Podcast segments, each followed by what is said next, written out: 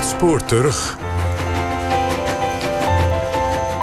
Ja, maar daarin mannen met baarden. Dit jaar is het 120 jaar geleden dat Ernst Hemingway werd geboren. Vandaar dat er een extra bijzondere editie van de Hemingway Lookalike Contest in Florida plaatsvindt. Ieder jaar verzamelen daar 150 mannen die in het zuidelijkste puntje van Florida om te strijden om de titel van best lijkende Hemingway. Laura Stek ging in 2014 naar Key West om te zien hoe de deelnemers zich met de schrijver identificeren, welk beeld ze van Hemingway hebben en hoe dat beeld gecreëerd is. Want Hemingway was niet alleen een groot schrijver, maar ook een groot mediawonder. Een dronken toeriste trapt bijna op een kip. Ze is blootvoets en heeft een kleurige cocktail in haar hand. Het is tien uur ochtends. Welkom in Key West, het zuidelijkste stadje van de VS. Kenmerk 1? Het is bloedheet. En toch lopen er mannen met lamswollen truien door de hoofdstraat. Ze lopen naar café Sloppy Joe's. Daar staan ze met verhitte koppen en bezweten lijven bij elkaar. De overeenkomst tussen de mannen? Middle-aged, big-gutted and a white beard. Mannen met baarden dus. Daarnaast helpt een goede kaaklijn, stevige wenkbrauwen, een denkrimpel en een beetje formaat. And a little heavy set, you know, because he was a big man. Deze grote bebaarde grijze mannen gaan strijden om een belangrijke titel. It's not a beauty contest, I can tell you that. All right, guys, welcome to the 34th annual International Sloppy Joe's Hemingway Lookalike Contest. Het is de 44ste Hemingway Lookalike Contest. Waar ongeveer 150 mannen zich gedurende vier dagen van hun meest Hemingwayeske kant laten zien. Dat betekent vissen, armpje drukken, stierrijden en sterke verhalen vertellen. De eerste Hemingway die ik tegenkom is... Pat Lanier, I'm from Hammond, Louisiana, and I'm a veterinarian for uh, the United States Department of Agriculture. Chickens. Kippendokter Pat Lanier is hier voor de negende keer. One year I did make it to the final five. Really, if, if you get here and if you make it to the finals on Saturday, that's the best you could do. De oud-winnaars, de zogenaamde papa's, naar Hemingway's bijnaam, vormen de juryleden. Zij bepalen wie de titel krijgt. Maar waar ze precies op letten, weet niemand. It's an impossible task. You, you go up there and you just try to stick out a little bit more than the next guy by you. Because there's only one winner. There's no second, third, fourth. There's just one winner. Maar waarom doen deze mannen mee? Het lijken niet allemaal even intellectuele types. Wat trekt hen dan in Hemingway? Ik doe een oriënterend rondje. The way he lived his life, very adventurous. He was definitely a guy's guy. He was what everybody would like to do. We're not staying home guys. We don't work in little offices. You know, we're guys that get out and do things. Everybody would like to live that life, but a lot of us has to work. He lived life to his fullest. Dat vinden ze denk ik gewoon erg mooi aan hem. Dit is Amerikanist en Hemingway-kenner Joris Smeets. Als sportman, eh, als man van oorlog, de hele tijd in de cafés hangen, met sterke verhalen vertellen, eh, achter de vrouwen aan zitten, allemaal beroemde mensen kennen. En eh, dat hij schrijver was, ja, dat is misschien niet eens zo belangrijk voor ze. En voelt Smeets de aantrekkingskracht van die kant van Hemingway zelf ook? Nee, ik heb heel weinig met hem gemeen, dat weet ik wel zeker. De mannen in Key West lijken dus vooral geïnteresseerd in het personage Hemingway. Meer dan welke schrijver dan ook leent Hemingway zich ook voor die rol. Als je zijn cv leest, lijkt het alsof hij bij alle grote culturele en politieke gebeurtenissen van de 20e eeuw is geweest. Dus de Spaanse burgeroorlog, de Eerste Wereldoorlog, eh, opkomst van eh, schrijvers in Parijs, stierenvechten, spionage, verzin het maar. Hij kende iedereen. Dus daarom is het gewoon een eh, prachtig onderwerp. Dat Hemingway zelf een onderwerp is geworden, is voor een groot deel te danken aan de marketingstrategie van de schrijver. Die, volgens zijn biografen, als een van de eerste schrijvers een Faustiaans pact met de media sloot. Hij heeft zijn eigen image gecreëerd, maar hij verloor de controle erover. Dus dat is dat Faustiaanse. Dus hij won er ook bij. Maar hij kon maar tot een bepaalde hoogte bepalen van wat mensen over hem dachten. Hij gaf ze heel veel verhalen, informatie. En dan vulden ze dat zelf voor een deel aan. En dat begon een eigen leven te leiden. En dat heeft hij nooit kunnen bijsturen. Een paar biografische feiten. Hij wordt nog net in de 19e eeuw geboren in Oak Park, Illinois. En groeit op in een welvarend gezin. Vader is dokter, moeder is voormalig operazangeres. Hemingway gaat in tegenstelling tot zijn vrienden niet studeren en begint een carrière als journalist. Over de jonge Hemingway is niet erg veel bekend. Maar over één ding zijn de biografen het eens. Hij houdt van wedstrijdjes. Ja, waar dat competitieve vandaan komt, dat is niet helemaal duidelijk. Maar dat zat er al heel vroeg in. Hemingway wil in dienst van het leger, maar wordt geweigerd vanwege een slecht oog.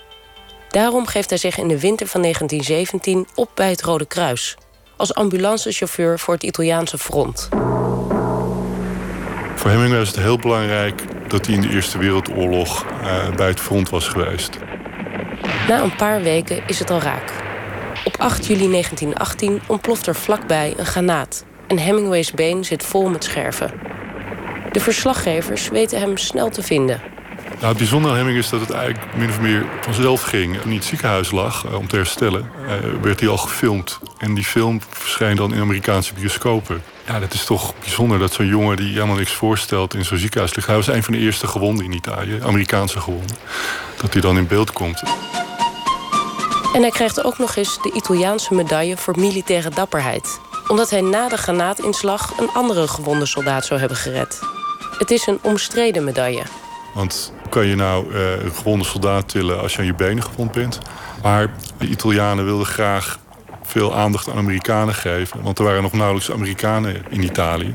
Uh, Italianen hadden de Amerikanen heel hard nodig om tegen de Duitsers en de Oostenrijkers te vechten. Dus men denkt dat hij het gekregen heeft voor de publiciteit.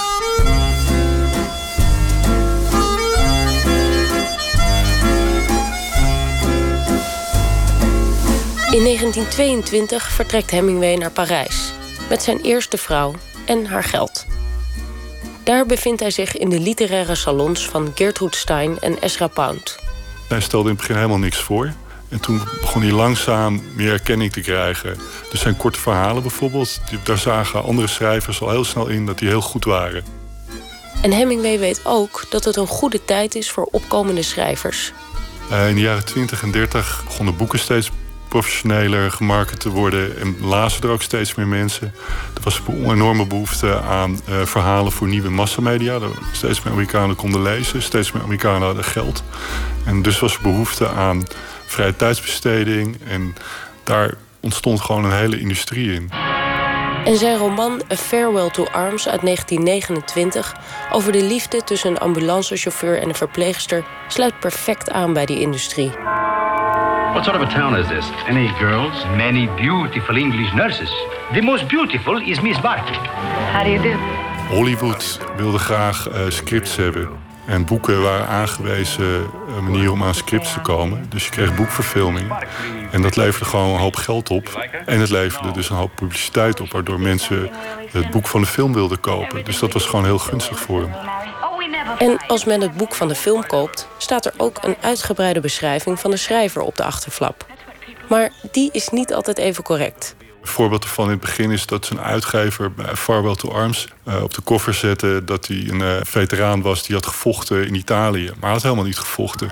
En dat is een typisch voorbeeld dat al vanaf het begin mensen dingen in hem wilden zien die er gewoon niet waren. Dus hij was meer een projectiescherm. He went to war. I went to war. Uh, uh, so my generation had a, a lot in common. En er wordt nog steeds gebruik gemaakt van dat projectiescherm. Back then, really we didn't have any American heroes. And he participated in the war as an ambulance driver and stuff. You know, he was just a ready-made hero. En wie wil er nou niet lijken op een ready-made hero?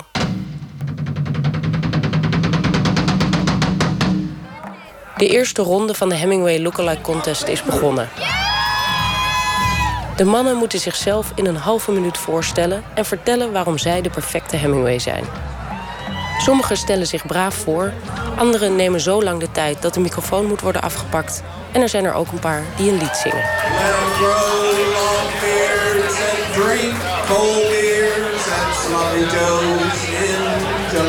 Dan trekken de juryleden zich terug om even later hun stem voor de eerste ronde uit te brengen. Twee van de mannen die door zijn naar de volgende ronde nemen net hun tiende biertje. De een draagt een cakey blouse en een overlevingsbroek. My name is Walt Collins. I'm from Phoenix, Arizona, and I'm in the restaurant business. De ander draagt een net pak met een sigaar. Is it true that you have a boyfriend? Ze verbeelden de oude, grijze bebaarde en de jonge, zwartharige, besnoorde Hemingway. En ze zijn fanatiek. You know, I did my research. I looked at old photos, you know, down to the exact suit that he was wearing. You know, so you got you kind of have to do your research. You don't want to go up there unprepared.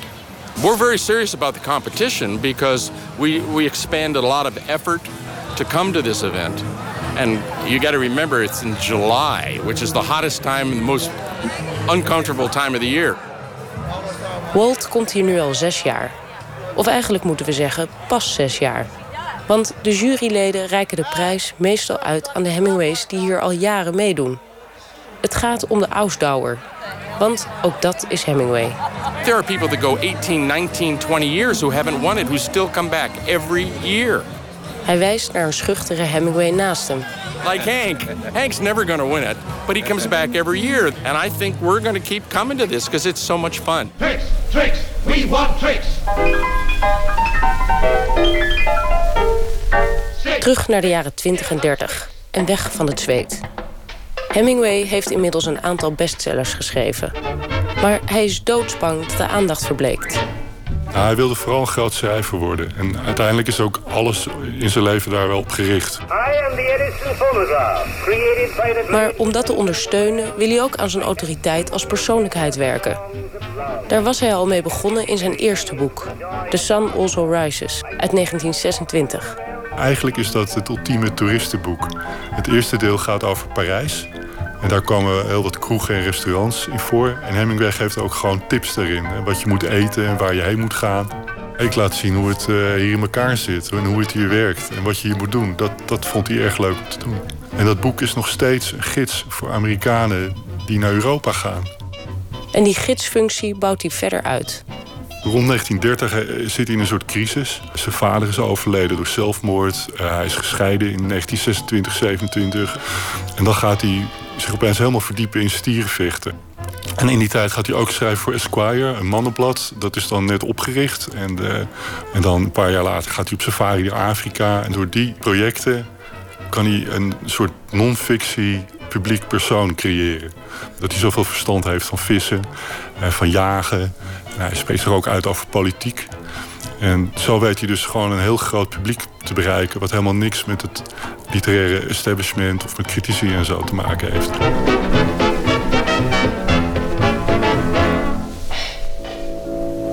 In Key West, Florida, a constant stream of visitors come to the Hemingway home in which he wrote most of his books.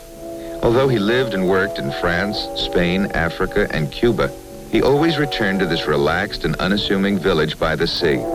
In 1928 was Hemingway naar Key West in Florida gekomen. Eigenlijk was het een tussenstop vanuit Havana. Hij zou er een Ford komen ophalen bij de garage. Maar de dealer kon niet leveren en Hemingway bleef hangen. Samen met zijn tweede vrouw Pauline Pfeiffer. Zijn tweede vrouw uh, was gewoon redelijk rijk. Die kwam uit een uh, welvarende familie die allemaal bedrijven bezat. Dus eigenlijk heeft hij gewoon het eerste deel van zijn carrière niet hoeven werken. En kon hij zich helemaal wijden aan het schrijven van literatuur. En aan het drinken. Het probleem van de schrijversgeneratie van Hemingway was dat ze bijna allemaal heel veel dronken. En dat is echt een epidemie geweest. En veel van die schrijvers zijn er ook wel aardig aan kapot gegaan. Hemingway would bicycle to Sloppy Joe's bar every afternoon after writing and stay a while with the old and new customers, many of whom later wound up in his books. En daar hingen dan een soort hofhoudingen rond in Key West en bij Havana op Cuba. En in die hofhoudingen zaten vissers, militairen, tweede schrijvers, journalisten, gewoon mensen uit de buurt. En dan was hij het stralende middelpunt natuurlijk. Als er een apenrots was ergens, dan klom Hemingway er graag op. En daar is de vergelijking met de buikige mannen in Key West weer. Het visonderdeel is begonnen. Op de kade hangt een foto van Hemingway met een 4 meter lange marlijn aan een katrol. De grootste vis die hier wordt gevangen is 16 centimeter. Kun je eigenlijk nog wel een Hemingway zijn in 2014? We've become a little less adventurous as we become more cosmopolitan in the United States because we were known for our adventureness and, and, our, and our hunting and fishing and doing all that. So it's, there's a little less of that, but there are certain things about him that will always stand as part of his legend.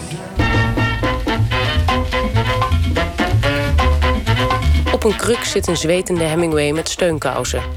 Hij is ouder dan dat de echte ooit geworden is. My name is Fred Johnson. I come from Dade City, Florida, and I'm a retired physician assistant. Johnson is oud-winnaar en jurylid. Hij is nog gezond genoeg om te komen, in tegenstelling tot veel andere juryleden. One of them has Parkinson's, and the other boy has leukemia, and he's doing bad. And the other guy's got a infection, arthritis in his ankle, and he can't walk. And we've lost quite a few over the years, just basically because the average contestant is 70 years old when he wins. Fred Johnson blijkt een vrolijke Hemingway. Na bijna ieder antwoord barst hij een lachen uit. Johnson komt hier al 28 jaar. Hij zag deelnemers komen en gaan uit alle delen van de wereld. We've had people from Ireland, Scotland, Germany, Kazakhstan. We've had people from Argentina, Brazil, uh, Nairobi. We had a Japanese fellow enter one year. Hij won de competitie in 1986, vijf jaar na de eerste wedstrijd. Johnson werd toen nog gekozen door Hemingway's eigen nazaten. Doris Hemingway was the sister-in-law. She married his brother Lester, and it was her two daughters, Hillary and Anne, was judges. Then Edward was a grandson. Kirsten was a great-granddaughter. Maar toen de nazaten waren uitgestorven, werden de oud-winnaars tot juryleden verklaard. Waar Johnson zelf op let bij de mannen, vertelt hij niet. Someone said that Hemingway couldn't win the contest in the first year.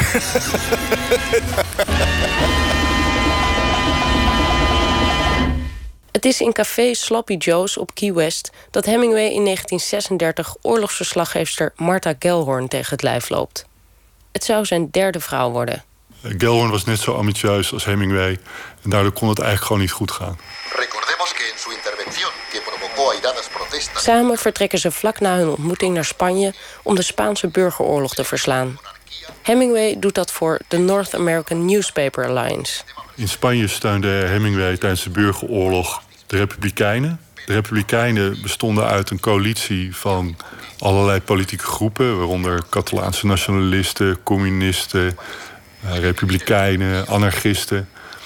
Dus het was vrij lastig om te zeggen waar ze nou precies voor vochten. Hemingway was antifascist. Dat waren de tegenstanders. Dat waren de nationalisten, de troepen van Franco. Maar in hoeverre die nou bepaalde politieke ideeën steunen van die groepen bij de Republikeinen, dat is een beetje onduidelijk. Zijn politieke engagement ondersteunde zijn uh, literaire werk, kun je zeggen. En dat levert hem ook gewoon een hoop op.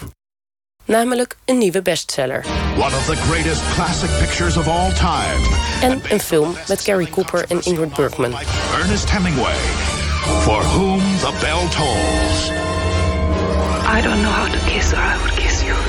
Het vertelt het verhaal van Robert Jordan, een jonge Amerikaanse explosieve expert die voor een antifascistische guerrilla-eenheid werkt. Een typische klassieke Hemingway-held. De Hemingway-held die wil zichzelf testen en die wil niet falen. En dat wordt ook grace under pressure genoemd. Dat je je goed weet te houden onder enorme druk. En dat is gewoon de zelftest die in veel van die boeken van hem ook zit. Dat iemand het heel lastig heeft, maar er niet al onder doorgaat. En het uh, bombardement doorstaat of wat dan ook.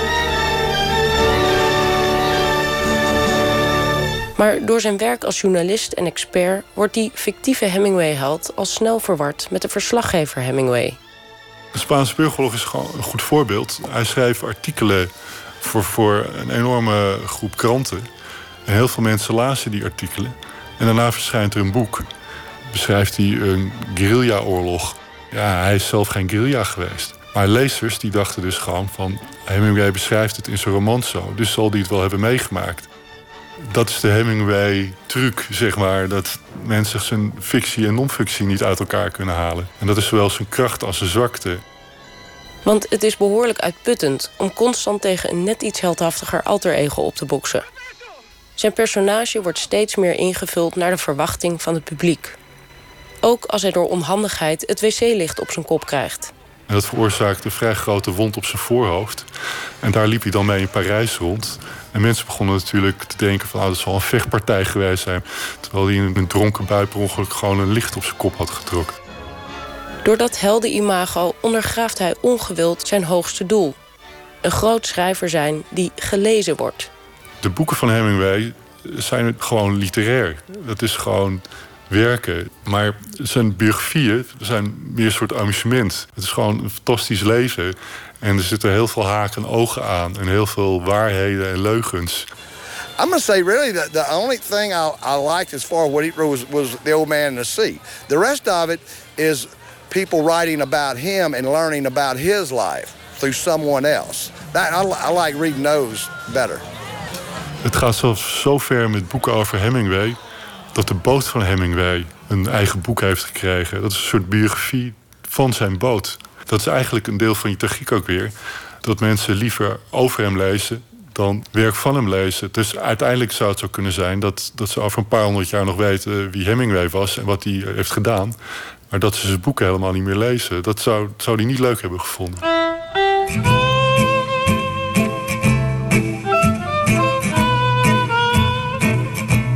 Des te sterker Hemingways reputatie, des te zwakker wordt zijn literaire werk. Dat komt ook door een steeds groter wordend gebrek aan zelfkritisch vermogen. In de film Midnight in Paris van Woody Allen wordt die eigenschap karikaturaal uitgelicht. Hemingway. Hemingway? Can I ask you the biggest favor in the world? No. What is it? Would you read it? Your novel. Yeah, it's, it's like 400 pages long, and, and I'm just looking just for, you know, just an opinion. My opinion is I hate it. I mean, you haven't even read it. If it's bad, I'll hate it because I hate bad writing. If it's good, I'll be envious and hate it all the more. You don't want the opinion of another writer. Hemingway kon niet erg goed tegen kritiek van literaire critici. Je had een enorme hekel aan ze. En het is eigenlijk heel erg misgegaan met het schrijven... doordat hij geen mensen meer om zich heen had... die durfden te zeggen van dit is gewoon niet goed.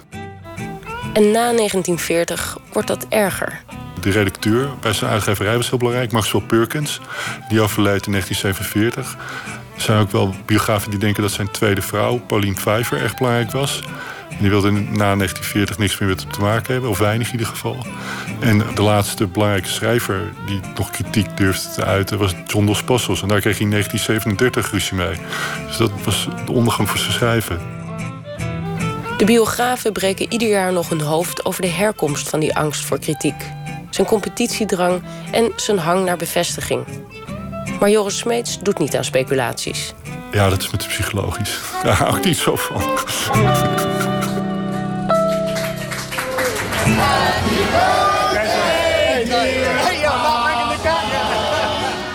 Inmiddels staan de 150 mannen in krappe witte pakjes met rode sjaaltjes voor een gigantische taart met kaarsjes. Ze vieren het verjaardagsfeestje van hun held. All right, ladies and gentlemen.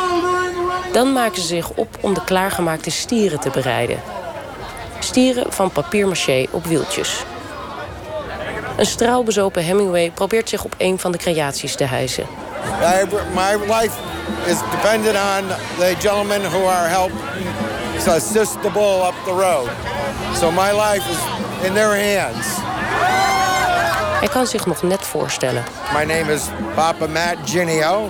I'm retired biomedical engineer. We're gonna start the auction right now. Ook de lachende Johnson rijdt voorbij op een nepstier. er hangen vlaggetjes, er is pers en er klinkt fanfare. Maar Hemingway zelf had op het eind van zijn leven helemaal niet zoveel lol meer. Als ik daarnaar vraag, maken de mannen duidelijk niets van die donkere kant te willen weten. Later life, he got more darker in his writing, and, and you know, I, I didn't really care for that. I, I don't think I could ever live like Hemingway. I mean, it'd be too much mental trauma. Toch vind ik na even zoeken één man die breder geïnteresseerd is in Hemingway. They put the emphasis on the adventure side, and there's no denying that. That's all there. But they rarely find the side that I've discovered. Het is de Canadees Brian Gordon Sinclair.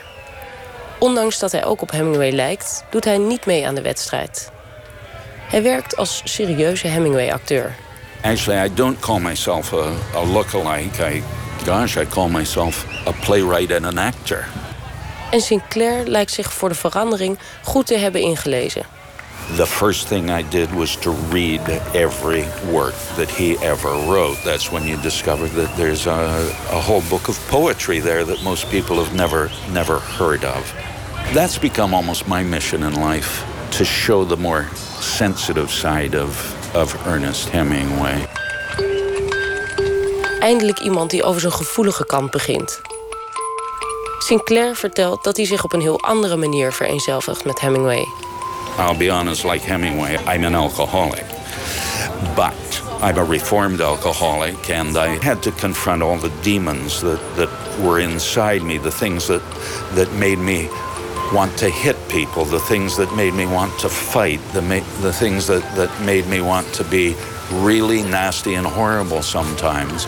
And eventually, I was able to overcome that, that black side. Maar de echte Hemingway zou die duistere kant niet de baas worden.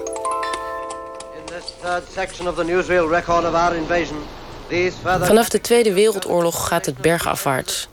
Om te beginnen doet de oorlog het huwelijk met Martha Gellhorn geen goed.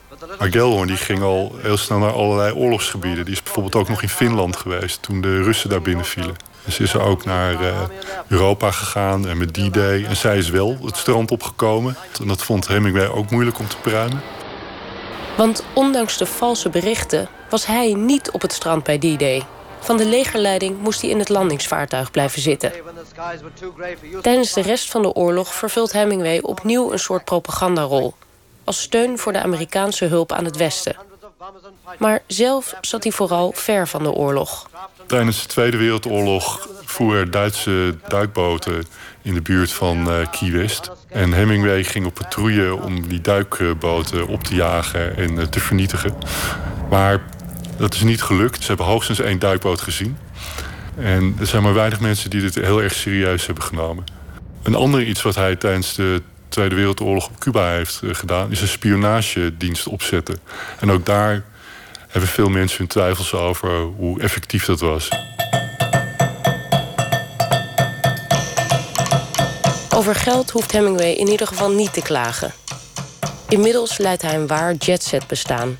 Met verschillende huizen, goede flessen champagne en beroemde vrienden als Marlene Dietrich en Gary Cooper, waarmee hij regelmatig op eendenjacht gaat.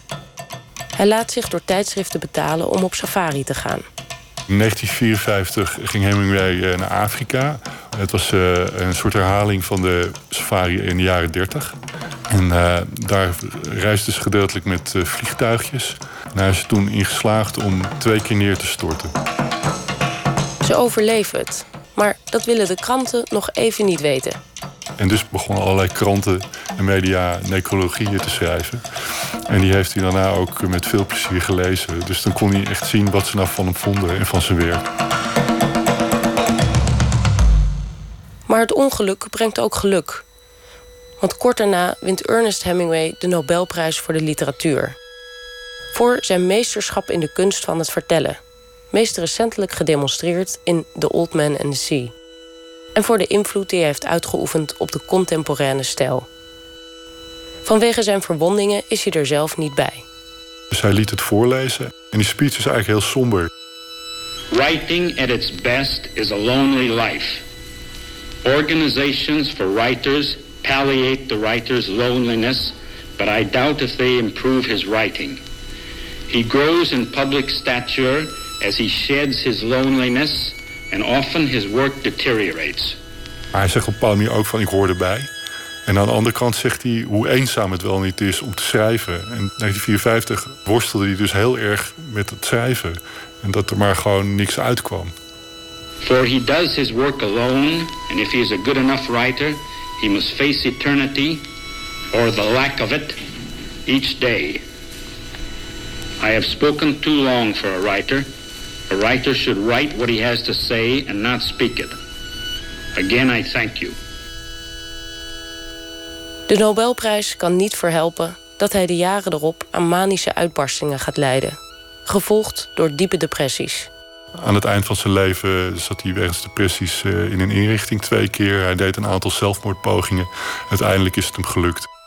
Hij heeft zich met uh, zijn favoriete geweer door zijn hoofd geschoten. Net als zijn vader, broer, zus en later ook zijn kleindochter.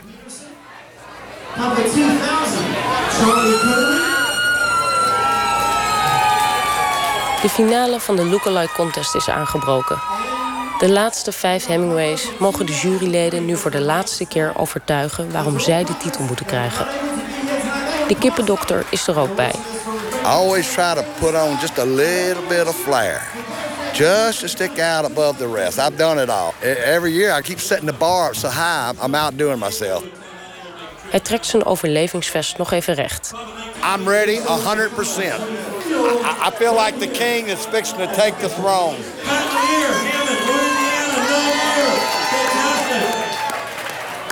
De gevoelige Hemingway-acteur staat vanuit een hoekje toe te kijken.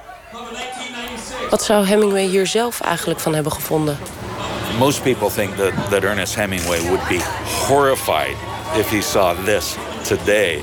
And God only knows what his reaction would be to the, this Hemingway look-alike contest. It, he would either laugh himself silly or pull out the remaining hairs on his head and say, Get me out of here.